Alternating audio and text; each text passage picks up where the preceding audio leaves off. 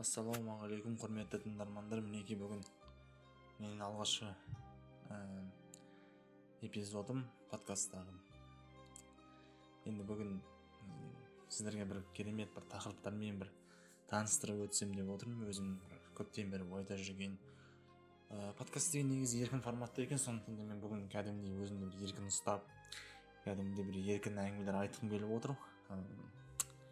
Енді негізі менің подкасттың тақырыбы миллиардерлер деп аталады. Миллиардерлер дегеніміз бұл әлемдік кәдімгідей бір бизнес құрған кісілердің өмірбаяны солардың жасаған қателіктері соны жасаған нелері дұрыс әрекеттері жайында әңгіме өрбу керек еді бірақ мен ә, бүгін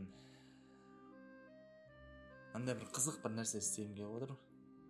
Біз кәдімгідей бизнес пенен ә, мафияның арасындағы ұқсас бөліктерді бір не істегім келіп отыр байланыстырғым келіп отыр. Себебі мен алдында бір не көрген едім бір видео. Сол видеода айтады көптеген миллионерлерден сұраған ғой сіздердің ең жақсы көретін сүйіп көретін киноларыңыз қандай? десе ә, крестный отец деген фильм бар фуклахи деген. Соның бәрі айтқан екен да көп миллиардерлер миллионерлер оны неліктен айтты деп отыр. Себебі миллионерлер ә, кино арқылы кәдімгідей бір бұл кинода көбінесе переговорлар кәдімгідей келісушіліктер кәдімгідей оң жақ қайсысы сол жақ қайсысы сондай әңгімелерді көп өрбітетін болғандықтан сол киноны таңдаған екен демек ә,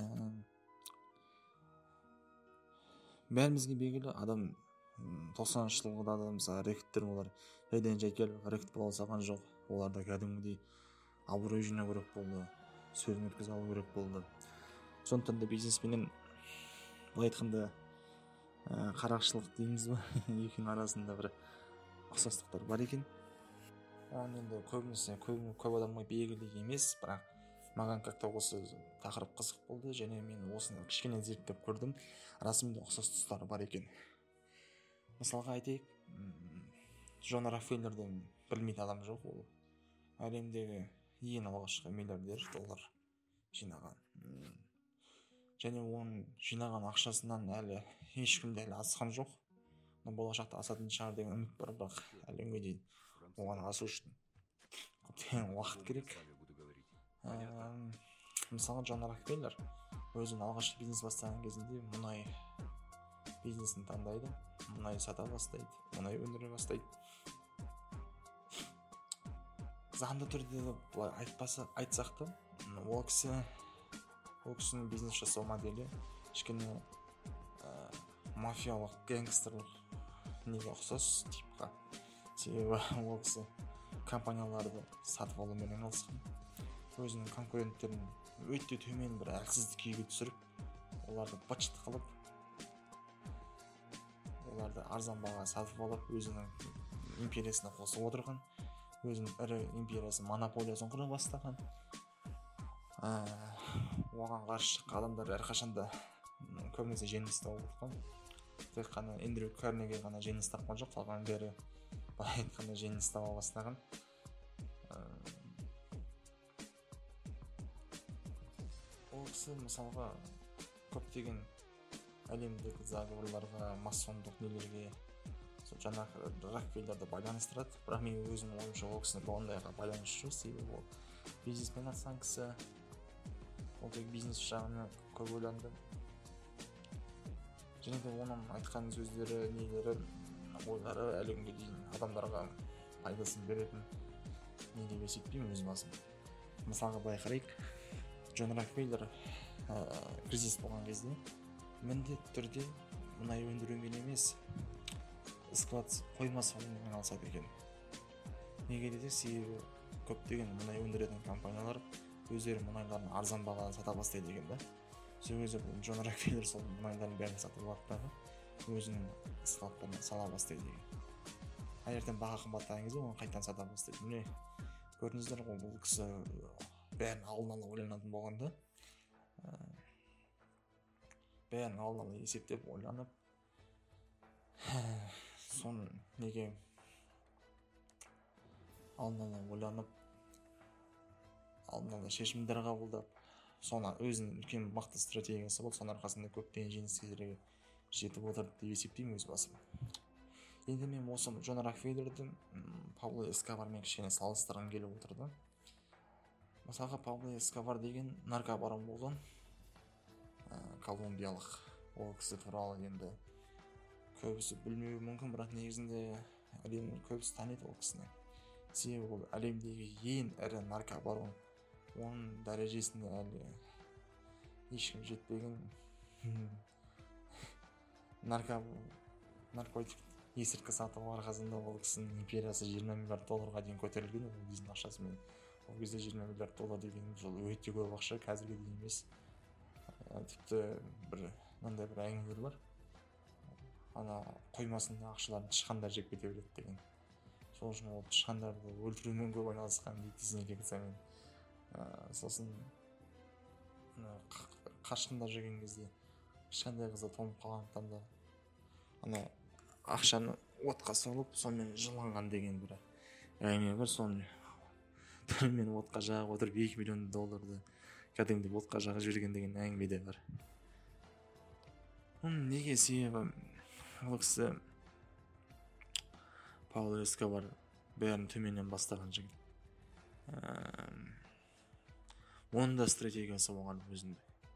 Ол қалай наркотиктерді сату керек қалай алу керек кім конкурент конкурентті қалай ә, жеңуге болады сондай нәрселердің бәрін ойластырған кәдімгідей оларда бір стратегия бар да өзінде. Соның арқасында жиырма миллиард доллар ақша жинаған және әлемдегі ең ықпалды адам болған оны тіпті американың өзі оған соғыс жариялайды бір пабло эскобарға ақырында пабло эскобар өз өзін сдавать еткен дейді себебі. Өмір бақи қашқында жүріп шаршаған деген әңгімелер де бар. Дәл сондай өте сондай бір құдіретті бір билік ұстаған қолында кісі болған екен. Мінекей осылай енді подкаст жазу бір өте оңай нәрсе емес екен. Эмоциямен бір әңгіме айта алмай отырмын мына жерде негізі бір екі үш адам болып әңгіме айтсаң керемет болатын еді негізі енді келесі кезекте мен джефф безос туралы не айтқым келіп отыр бір мағлұмат бергім келіп отыр ол кісі де кәдімгідей қалай айтсам болады амазон компаниясы негізінде бір керемет болып құрылған компания емес бұл компанияда кәдімгідей монополия болып кеткен компания қазіргі уақытта ешкімге өзінің несін бермей отыр ә, бизнесіне конкуренттер табылмай отқан компанияның бірден бірі америкада бүкіл әлемде мынандай бір қызық әңгіме бар енді ә, кәдімгі мафия мафия мафиозниктер олар заңсыз жұмыс істейді ал бизнесмендер бәрін заңды түрде жұмыс істейді бірақ іс әрекеттері мафиялық мафиялықтардың кәдімгі мафиоздардың іс әрекеттеріне ұқсайды. Мысалға айтайық амазон компаниясы өзінің ең алғашқы құрылған кезде өзінің конкуренті болған. Бірдеңе деген компания атын ұмытып қалдым ол компания мысалы бір товарды жиырма доллардан сатса амазон компаниясы ол товарды 15 бес доллардан сатады екен. Былай айтқанда амазон өзінің убыткіге ұшырап жатады бірақ оны арзан болғандықтан оны халық көре бастайды одан ала бастайды. Ә, себебі бәріне арзан болған тиімді ғой. Ал ана компания ол шығынға бата береді. Жаймен жаймен шығынға бата береді. Не істеу керектігін білмей қалады. Сосын амазон не істейді?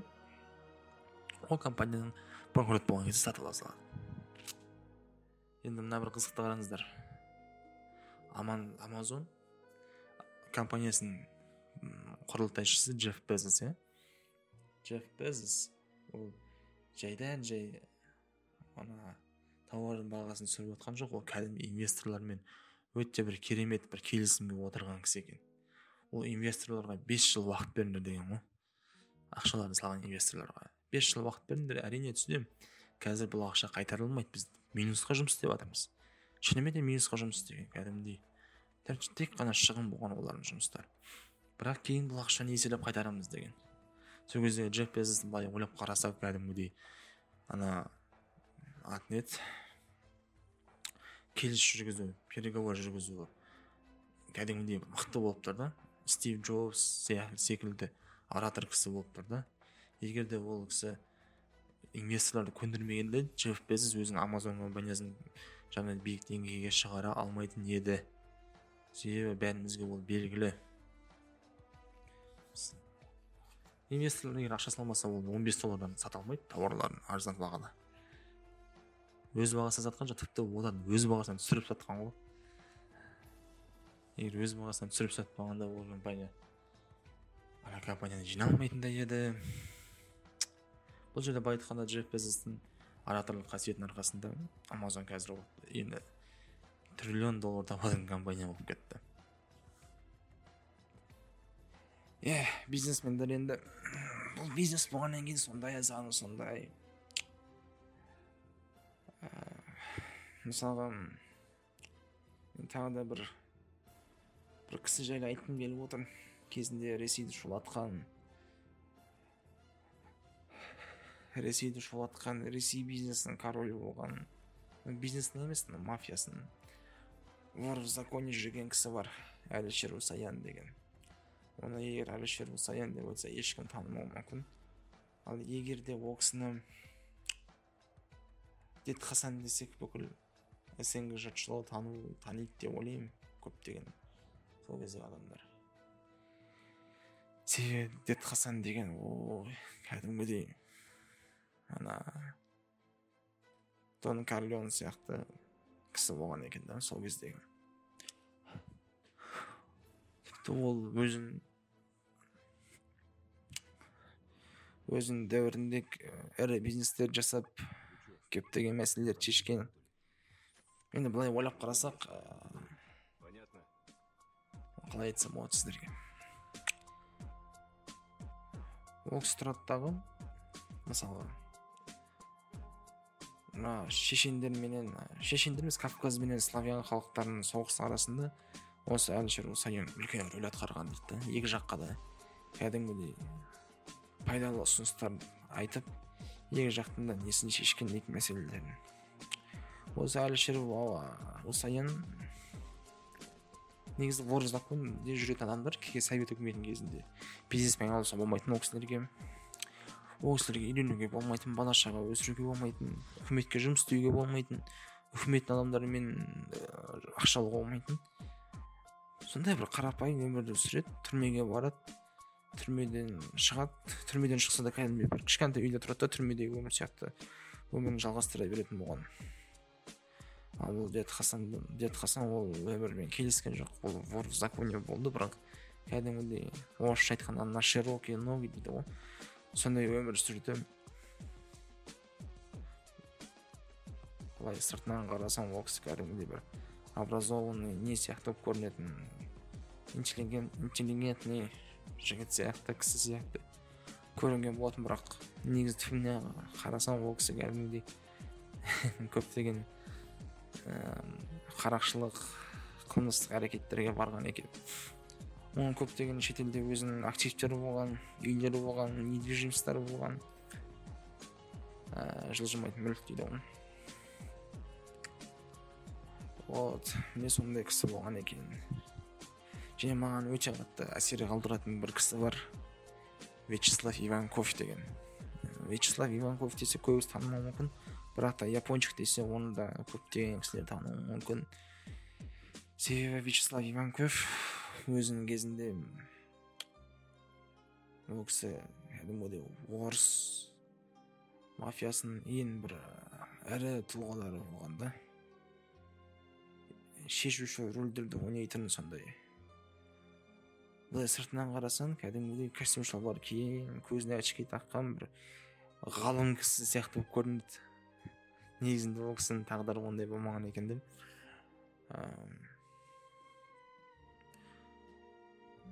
Маған мысалы оның қандай несін бизнесмен салыстырасыз деп ойлайсыздар да. Мысалға ол кісі америкаға барады дағы американың қаласын көреді дағы ойлайды. Мыналардың барлығы ашық ауыздар екен ғой деп. Сөйтеді да оларға бензин колонкалерге барады дағы талондар сата бастайды ә, тағы басқа басқа страхование компанияларды байлайды. Американы былай шулатқан екен бұл кісі. Бірақ өкінішке орай бұл кісілердің тағдыры өте бір керемет болған жоқ. Өлім сәтінде олардың екеуін де киллер келіп атып кетеді. Ә, және ана киллер егер адамды бір адамды өлтіргісі келсе жай ғана бастан атады екен да ал егер оны қиналып өлгенін қаласаң оны қарын ішінен атады екен себебі ішінен оқ тисе енді кәдімгідей ненің несі ғой снайпердің оғы ауру болады ғой ана адам қиналып өледі екен да неше жылдар неше күн бойы дәл дәл сондай өліммен екеуі де өледі енді тағдырлары сондай аянышты болды. Бірақ маған бұл кісілердің кәдімгі енді қазіргі кезде көп әңгімесін айта алмаймын енді осы жерде. Бірақ ол кісілердің жасаған келіссөздері ә, кәдімгі екі жақпен келісуі ақшаны қалай жасау керек сияқты әңгімелері бұны бизнесте былай қолдануға болады. Бірақ бұл өмірде ол кісілер сияқты қарақшылық пен қылмыстық әрекеттерге барудың қажеті жоқ деп өз басым есептеймін. Осымен болды көп сөйлеп кеткен секілдімін. Осымен бүгінгі подкасттың бірінші эпизоды аяқталды. Бүгін кішкене шаршап отырмын. Көптеген нәрсе айтуға болатын еді бірақ енді көреміз енді. Ертең может бір келесіде қонақтарды шақырамын ба? Сөйтіп солармен бір әңгімемді бір жазып алсам күшті болатын еді ал осымен ағайын сау қош болып тұрыңыздар. Көріскенше. Көріскенше.